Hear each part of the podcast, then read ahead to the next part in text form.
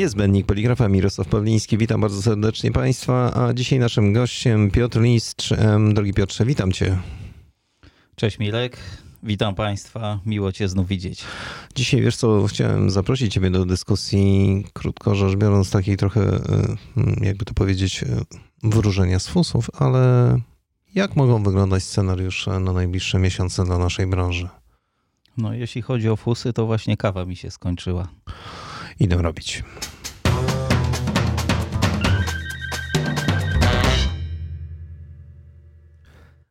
Nie zaskakuje ciebie to, jak się zmienia wszystko dookoła? No jak najbardziej zaskakuje i patrząc w przyszłość też się zastanawiam, co będziemy robili za 10 lat, za 20 czy też za 50. I tu myślę, że na dzień dzisiejszy można postawić taki znak zapytania albo pytanie retoryczne. No tak 10-50 lat. Popatrz, co pandemia zrobiła z poligrafią, jak szybko pokazała nasze słabości, ale też mocne strony. Wiesz co, Milek, według mnie pandemia pokazała, jeśli chodzi o rynek polski, mocne strony, bo jesteśmy mocno rozwinięci technologicznie, mamy dobrych ludzi, dobrych fachowców. Nie mamy dwóch rzeczy. Nie mamy marki, czyli reprezentując firmy swoje na zewnątrz, poza granicami kraju, jesteśmy trochę no-name'owi i nie potrafimy się sprzedać. To chyba już nasza taka, wiesz, odwieczna e, etykieta. Nie potrafimy czegoś zrobić. Tak, to takie nasze pospolite ruszenie, nie? gdzie jak już jest trochę za późno, to wtedy działamy. Ale wiesz co, tyle wydarzyło się w e, obszarze opakowań, że e, no, ten temat chciałbym z tobą troszeczkę szerzej pociągnąć, bo tu jest i wąska wstęga, i szeroka wstęga, i wreszcie opakowania tekturowe, pudełka i to wszystko tak naprawdę Gdyby nie pandemia, to takich wzrostów chyba by nie było w tak krótkim czasie. Na pewno w niektórych sektorach e, zgodzę się z Tobą, bo tektura falista chyba osiąga rekordy. E, w Polsce dostawa w tej chwili tektury falistej z dwóch tygodni wzrosła do ośmiu i to bez gwarancji, nie mówiąc już o cenach, które wyskoczyły do góry. Mm, potrzeby makulatury do produkcji jakichkolwiek dzisiaj papierów są na tyle duże, że polski rynek sobie z tym nie radzi i ciągnie te półprodukty, bo tak to trzeba nazwać, e, z każdego miejsca, gdzie on jest dostępny. Rynek Flexo, rynek spożywczy, tak, wyskoczył. Przecież siedzieliśmy w domu. Pamiętamy, co było w marcu, w kwietniu w tamtym roku. Puste półki, nie było w cudzysłowie papieru toaletowego. Mm, były problemy z dostępnością suchego pokarmu, suchego jedzenia typu kasze, ryże, makarony, ale również i mąka, cukier. Więc to pokazało, że mm, jesteśmy, nie jesteśmy na niektóre rozwiązania jeszcze przygotowani. Z drugiej strony polski rynek i polscy dostawcy, polskie drukarnie poradziły sobie z produkcją mimo bardzo dużych problemów wynikających z braku komponentów, ze wzrostem cen komponentów albo z dostępnością technologii. Wiesz co, ale przyszło mi jeszcze e, jedno do głowy. E, w sumie to jest tak, że patrzymy na ten rynek poprzez pandemię, poprzez technologię, poprzez wzrosty mm, produkcji i tak dalej. A co moglibyśmy powiedzieć tym, którzy właśnie teraz zastanawiają się, czy kupować kolejne maszyny, urządzenia, skoro właśnie z materiałami jest kłopot? Na pewno trzeba inwestować, bo kto nie inwestuje, ten się cofa. Ale poczekaj, poczekaj. Wiesz, dlaczego tak pytam? No. To zadaj proszę pytanie wprowadzające. No dobra. Wiesz co, ostatnio sporo żeśmy publikowali informacji na naszych łamach, chociażby w portalu internetowym, e, że nie tylko w Polsce, nie tylko u nas, ale także dookoła nas, czyli w Niemczech, na Słowacji, w Czechach, e, stawiane są tekturownice nowe. I prawdopodobnie e, te urządzenia będą w pełni wydajne za 8-9 miesięcy mniej więcej, a niektóre za półtora roku.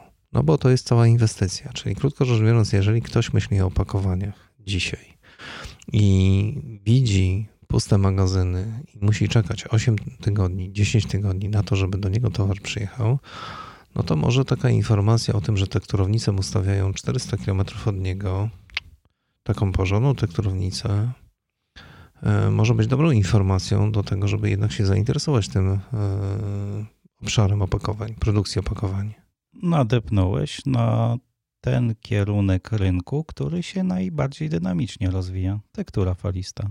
Tak, E-commerce generalnie. tak, Czyli to nie musi być ładne opakowanie, Nie ale musi być. funkcjonalne. dokładnie. Potwierdzam. I nie zaprzeczasz. Nie zaprzeczam.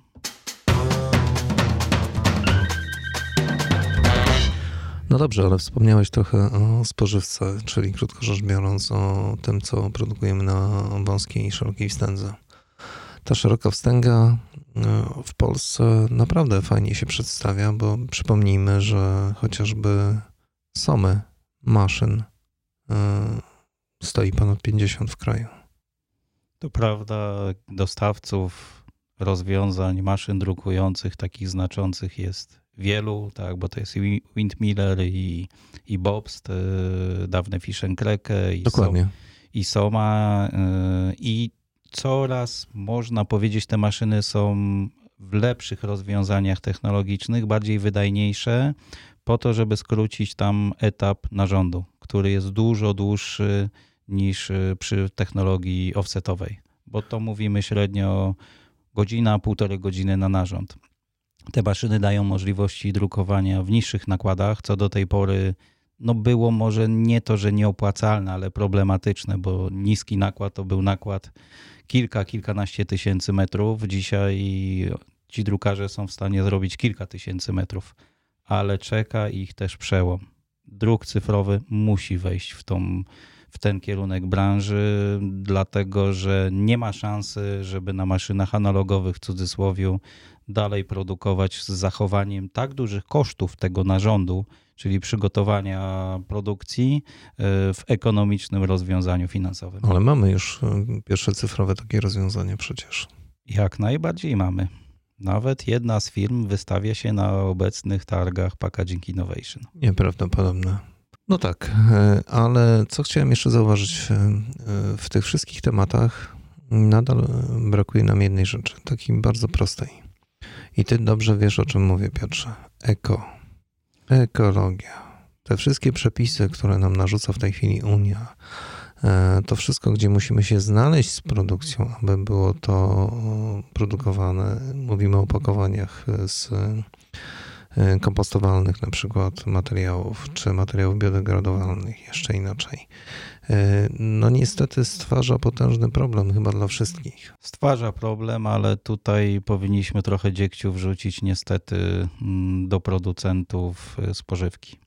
Drukarnie są przygotowane, Mirek. Poprzedni rok, dwa lata temu bardzo dużo projektów zgodnych z dyrektywą unijną 2024 mówiącą o eliminacji niektórych rozwiązań. Wejście w monolaminaty, wejście w bariery tworzone nie za pomocą warstw, tylko za pomocą lakierów.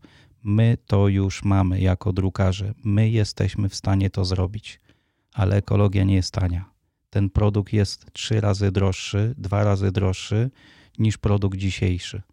I proponując rozwiązanie technologiczne w pewnej grupie, z którą pracowałem przez 9 miesięcy, dużemu gracza, graczowi końcowemu usłyszałem: tak, ale to jest droższe.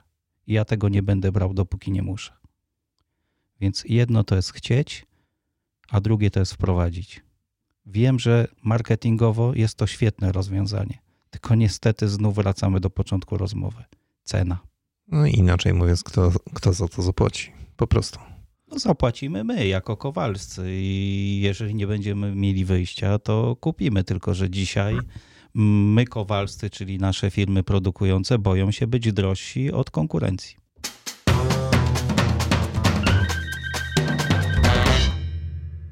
Drogi Piotrze, ale powiedziałeś w jednym z swoich e, wywiadów czy materiałów, które, które publikowaliśmy, że rynek produktów z tworzyw sztucznych stanowi około 40% całości rynku. Opakowaniowego. Tak. To prawda. Więc e, wprowadzenie tej całej ekologii i wymuszenie na nich tego, żeby zaczęli produkować w zupełnie innym standardzie, to jest tak naprawdę część z nich e, wędruje na wycięcie. Nie, niekoniecznie. To jest kwestia zmiany również produkcji, dlatego że są produkty, do których łatwo można zmienić technologię i dopasować dzisiejsze rozwiązania, a są takie na przykład y, wszelkie saszetki czy opakowania giętkie, gdzie mamy towar mokry w środku, który musi odpowiadać o wielu większym ograniczeniom niż e, towar suchy, bezpośredni kontakt i to nie jest takie proste. Tam chodzi o stworzenie bariery, która pozwoli na to, żeby towar był w lodówce, w zamrażarce przez 3, 6 czy też 12 miesięcy i nadawał się dalej do spożycia. No, przy czym fajnie by było, żeby się na nim pokazywało czasami takie małe coś i pokazywało, czy on nie był w, w trakcie rozmrażany tam ze 2-3 razy. Oczywiście, że tak. Wszelkie plomby termiczne jak najbardziej, a w dzisiejszych czasach i rozwiązania, które dające na przykład jeszcze instrukcje, jak to mięsko można przyrządzić, no to myślę, że to jest domena przyszłości. Powiedziałeś, przyszłości także jest zupełnie inna. Niestety my przewidujemy, patrząc na rozwój tego rynku, że mimo wszystko technologie tradycyjne odejdą do lamusa. Po prostu. Potwierdzam. I nie zaprzeczasz. Nie zaprzeczam. Możemy rozwinąć temat dalej. Bardzo cię proszę. Tak jak na początku rozmowy, 10-20 za 50 lat. Myśl, Uważam, że... Myślisz, że aż tak długo? Nie, nie myślę, że aż tak długo, tylko chcę powiedzieć jedną rzecz, że za 50 lat być może poligrafia nie będzie oddzielną działką przemysłu. Tak znaczącą. Tylko będzie wciągnięta do przemysłu jakiegokolwiek. Czy to będzie przemysł spożywczy, czy to będzie przemysł chemiczny, gdzie w ciągu linii produkcyjnej będzie znajdowała się maszyna. To będzie maszyna znakująca. To nawet być może nie będziemy to nazywali maszyną drukującą, tylko linia produkcyjna.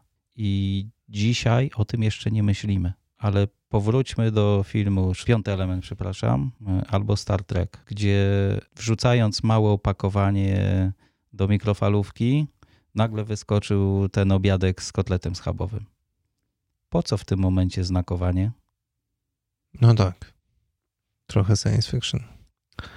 Ale wiesz co, ja jeszcze patrzę na to trochę w inny sposób, bo zauważam, że temat, który poruszyłeś, on w ogóle nie był e, w zasięgu wzroku e, kogokolwiek w naszej branży. Czyli krótko rzecz biorąc, poligrafia funkcjonowała zawsze jako branża poligraficzna. I zawsze e, był wyraźny podział branża poligraficzna i opakowaniowa. Tak jest.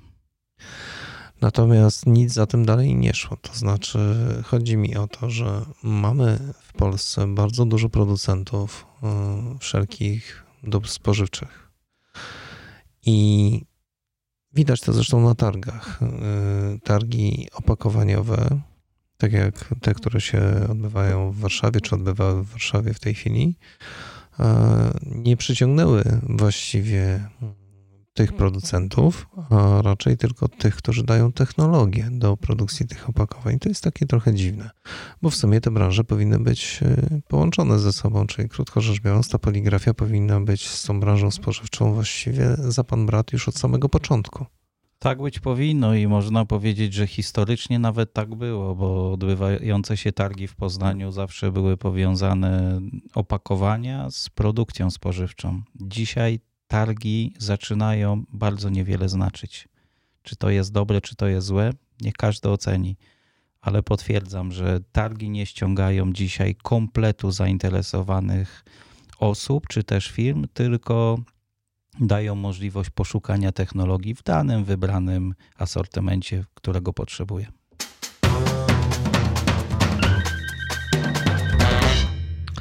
Według Ciebie największe wyzwania na najbliższy czas?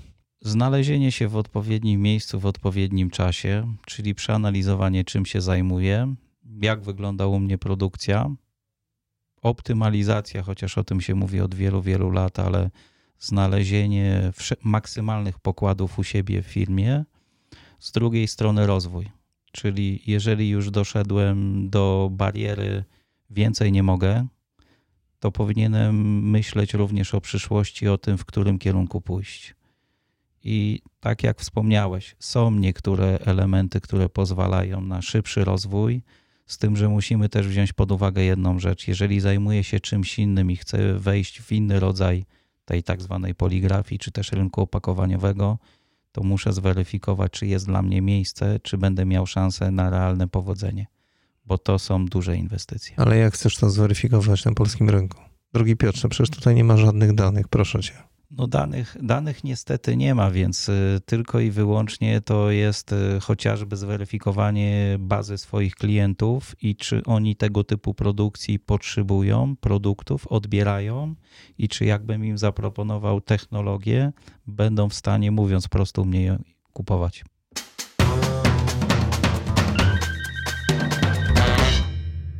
Mnie wszystko jedno przerażają te dyrektywy, które narzuca nam Unia.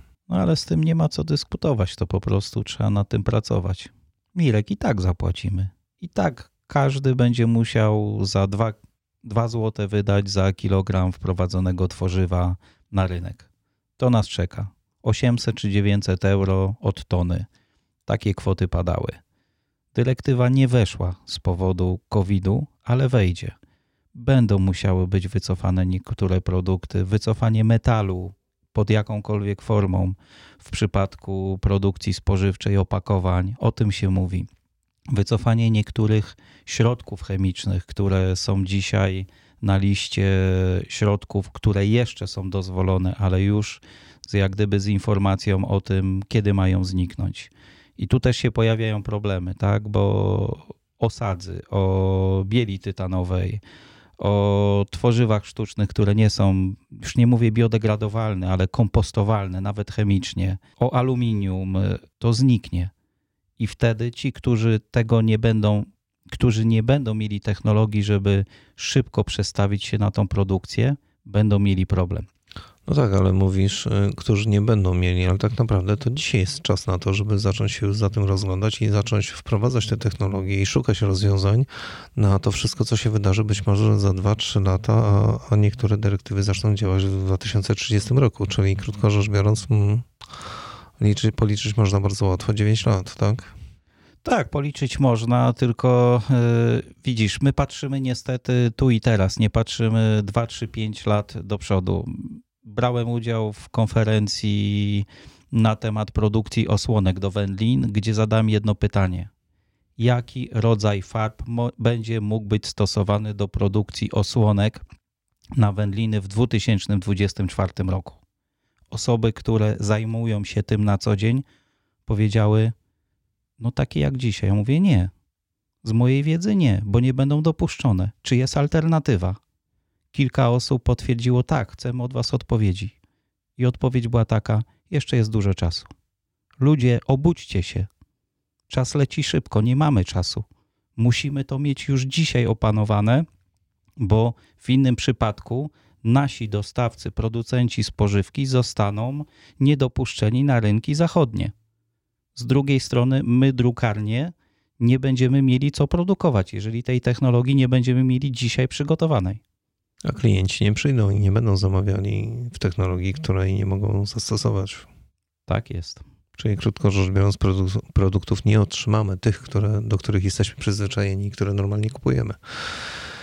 Produkty być może otrzymamy, tylko że w tym momencie będziemy zmuszeni do kupowania tego, co będzie dostępne, a przeważnie to, co będzie dostępne, może się okazać, że nie pochodzi z naszego rynku albo pochodzi od dużych graczy, którzy będą mogli windować czy też e, stosować swoją politykę cenową.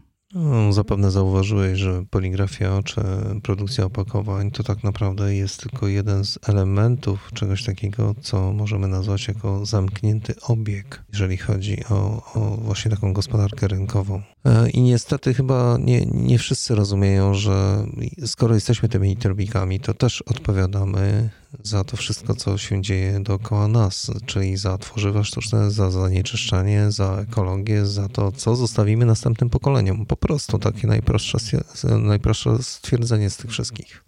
Tak, to obieg zamknięty to jest takie słowo klucz i myślę, że tu są dwa rozwiązania, które powinniśmy stosować zamiennie albo równorzędnie. Jedno, tak jak robi to Europa Zachodnia, tam bliżej nas, czyli świetnie rozdzielają wszelkie materiały na oddzielne frakcje, a drugie rozwiązanie to, co robią kraje nordyckie, które ok, segregację mają opanowaną, ale przy prawie każdej papierni jest spalarnia. Te rzeczy, których nie są w stanie rozdzielić, są spalane, produkowany jest prąd. Jest to mimo wszystko prąd zielony, bo jest to prąd nie z materiałów pierwotnych, tylko wtórnych i tym prądem są zasilane papiernie, a dobrze wiemy, co jest potrzebne do produkcji papieru.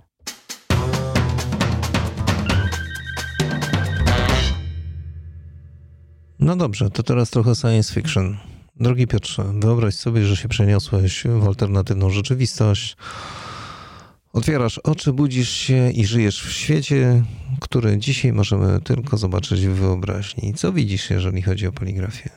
Po pierwsze, zamawiając w tak zwanym e-commerce, czyli w sklepie internetowym, jeżeli internet będzie jeszcze funkcjonował, bo może to być przestrzeń, nie będzie miało znaczenia to, jak jest to opakowane bo to ma przyjść w opakowaniu służącym do transportu. Bo wyczytam sobie wszystko z tego tak zwanej przestrzeni. Drukarnie? Chyba nie będzie drukarni. Chyba będzie firma produkująca na przykład dżemy, która będzie miała jednocześnie linię pakującą, produkcyjną i pod potrzeby moje będzie mi te 10, 20 czy 3 słoiczki przygotowywać. Tak, wydaje mi się, że będzie wyglądała ta poligrafia opakowaniowa. Co do poligrafii akcydensowej i reklamowej, hmm, no nie chcę nikogo obrazić, ale ni niestety nie widzę tego w kolorowych barwach. Piotr Lis dzisiaj naszym gościem, a rozmowa zupełnie bardzo luźna o wszystkim tym, co dotyczy nas tutaj, tu i teraz, właśnie żyjących w Polsce i patrzących na poligrafię róż z różnych miejsc. Drogi Piotrze, bardzo Ci dziękuję. Dzięki Mirek i teraz patrząc na fusy, poproszę jeszcze jedną kawę. Miło mi było. I już idę. Drodzy Państwo, niezbędnik poligrafa Mirosław Pawliński. Do usłyszenia w następnym odcinku.